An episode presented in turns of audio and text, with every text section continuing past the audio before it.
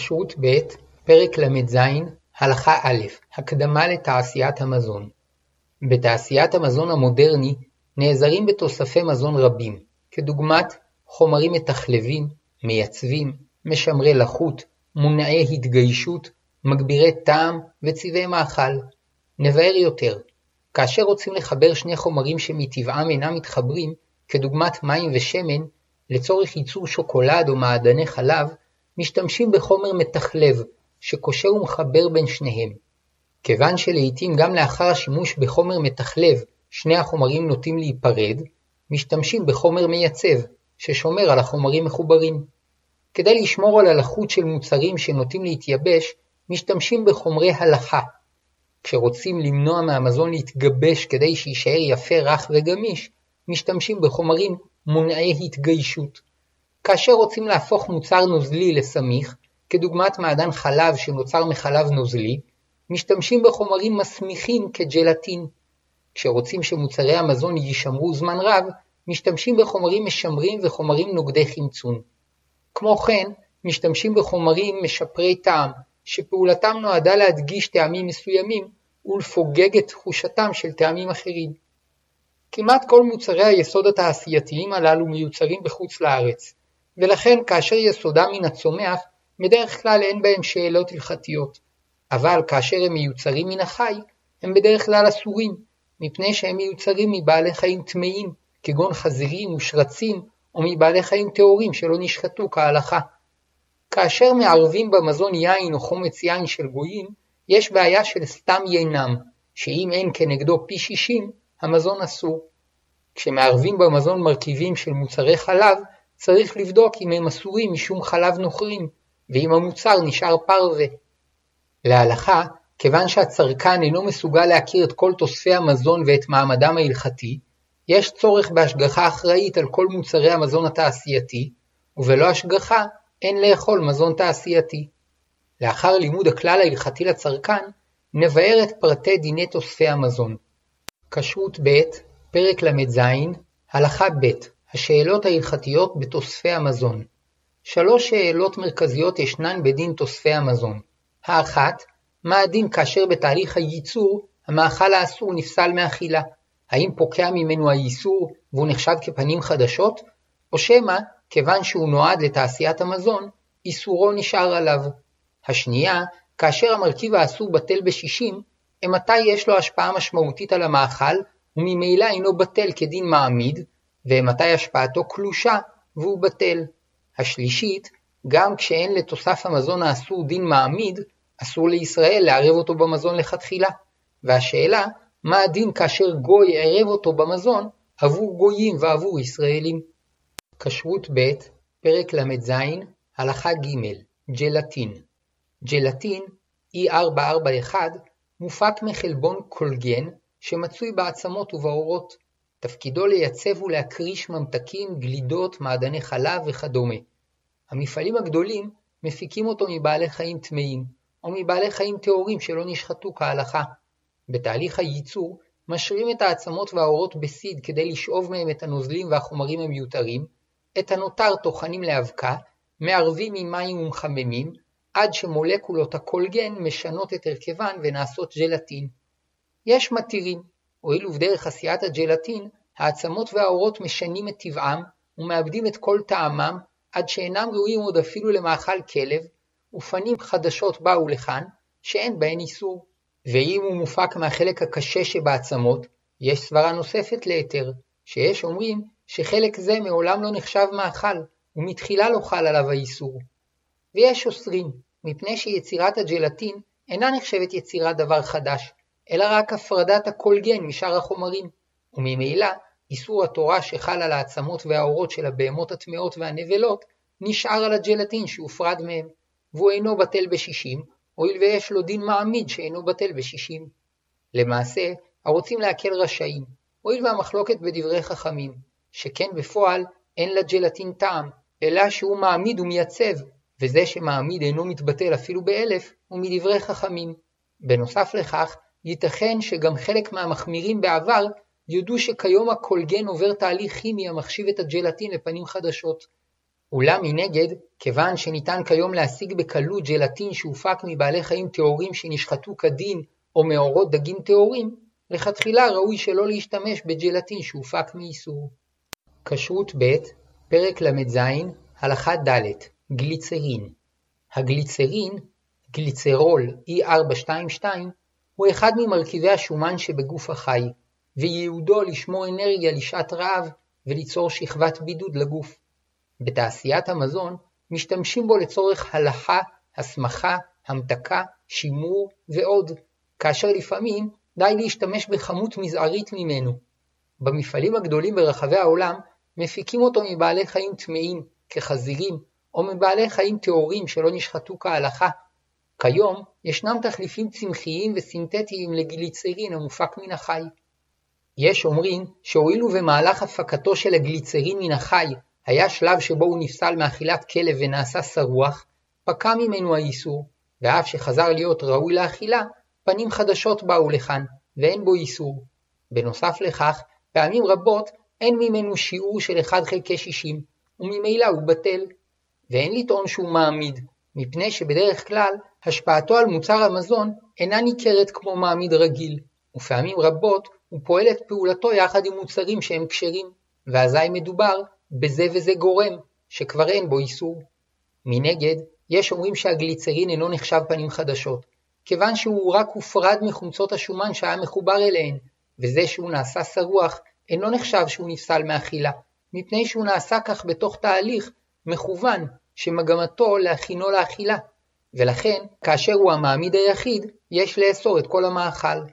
וגם כשהוא אינו המעמיד היחיד, אסור לערבו בכוונה, ואם ערבו אותו, לכתחילה אין לאכול את המאכל שבו הוא מעורב, וכן רגילים להורות. לפיכך, צריך להקפיד שהגליצרין יופק מבעלי חיים טהורים שנשחטו כהלכה, או משמן צמחי, או ממקור סינתטי.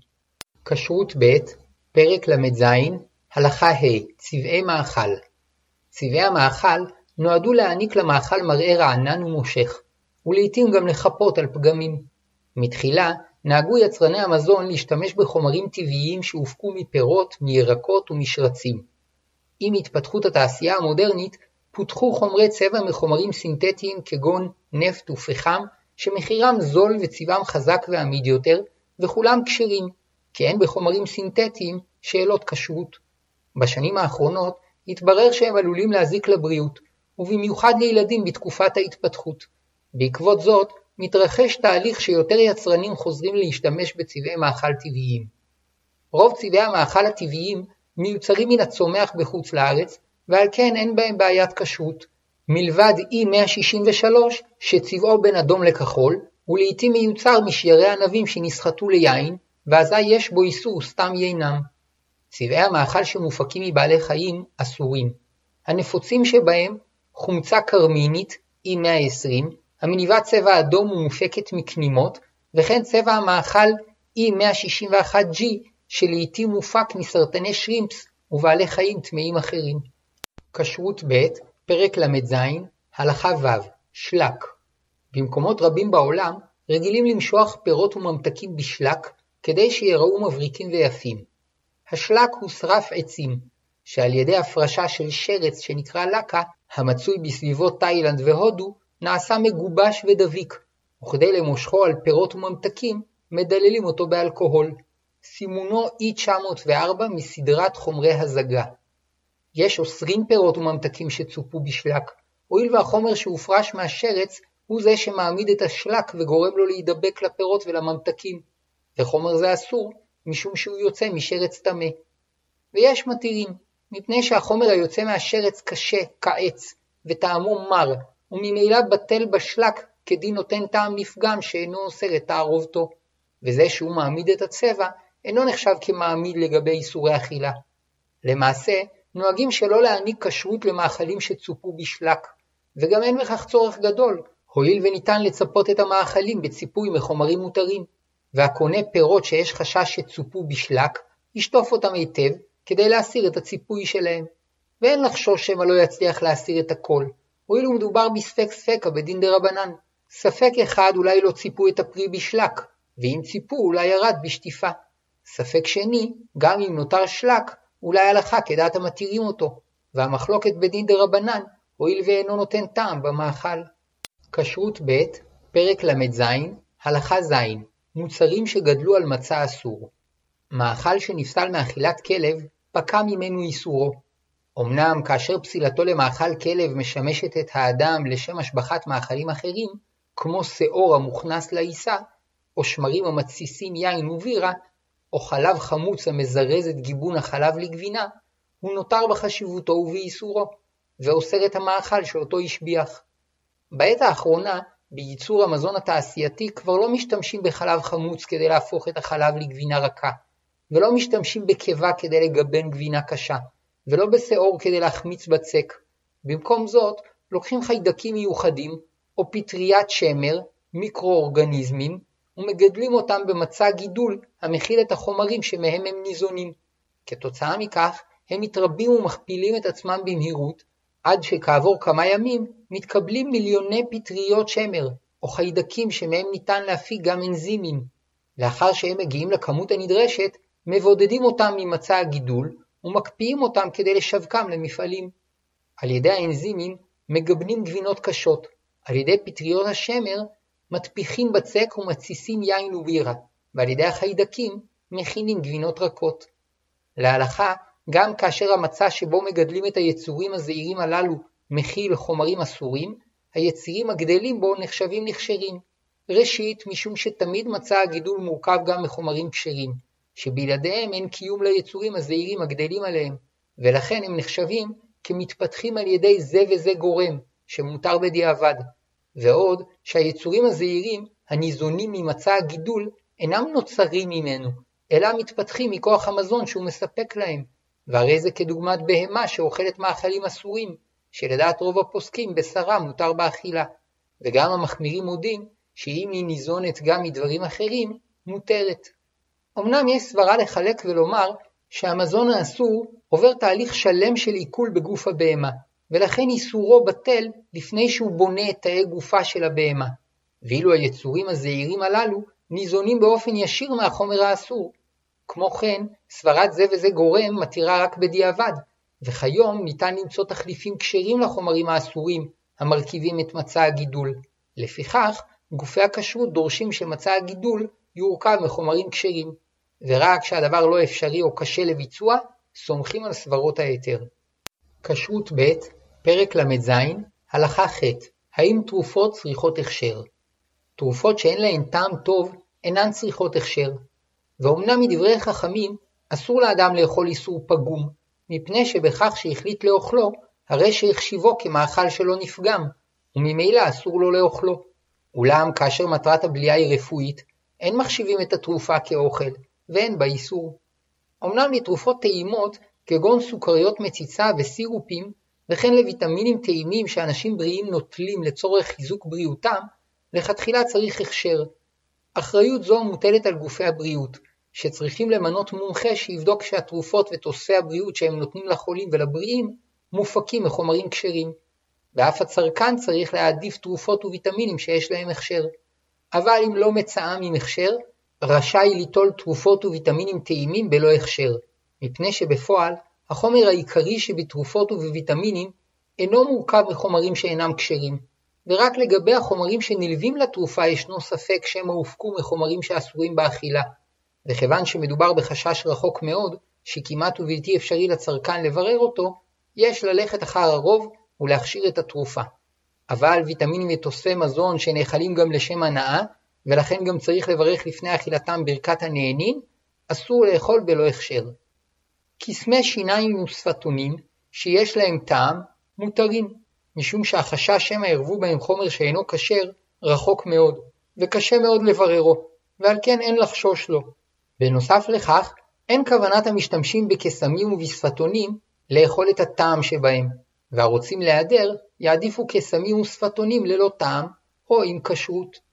כשרות ב', פרק ל"ז, הלכה ט', אלכוהול ומשקאות חריפים.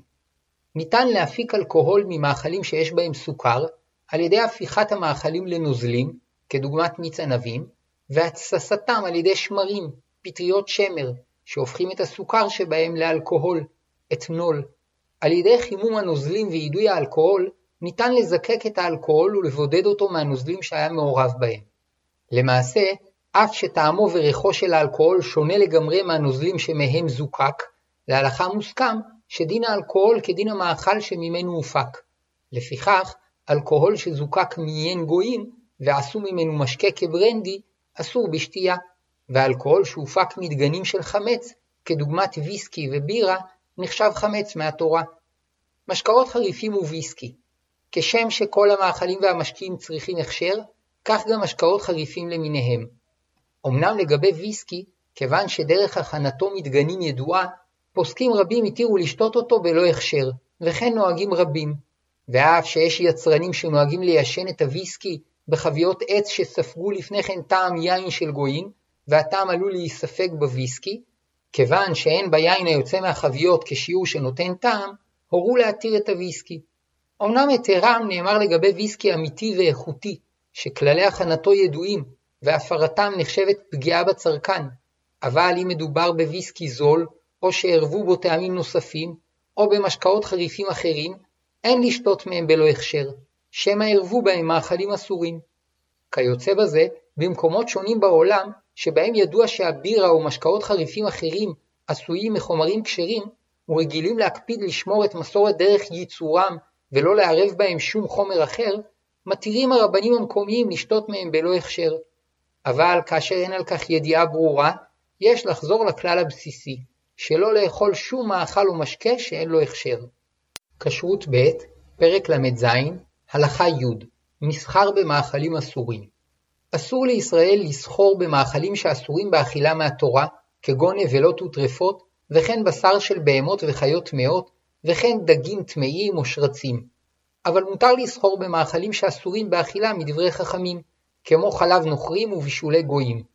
יוצא מהכלל איסור חלב של בהמה טהורה, שאף שהוא אסור באכילה מהתורה, מותר לסחור בו, שנאמר, וחלב נבלה וחלב טרפה, יעשה לכל מלאכה והחול לא תאכלוהו, הרי שהאיסור הוא רק לאוכלו, אבל מלאכה וממילא גם מסחר, מותר לעשות בו.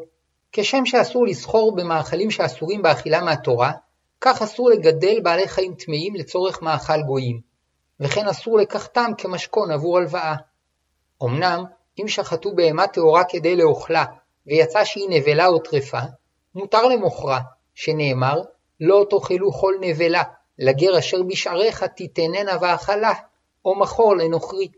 וכן אם נזדמנו לאדם חיות טמאות, כגון שפרס רשתו ועלו בה חיות טמאות, מותר לו למוכרן לנוכרי בהקדם, ואסור לו להשהות את מכירתן כדי שמחירן יעלה.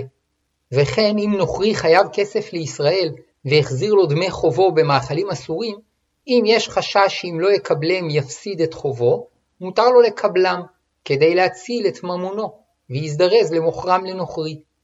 מותר לסחור בבעלי חיים טמאים שלא נועדו לאכילה, כגון סוסים לרכיבה וחמורים למסע, וכלב לשמירה או לשעשוע, ודגים טמאים לנוי.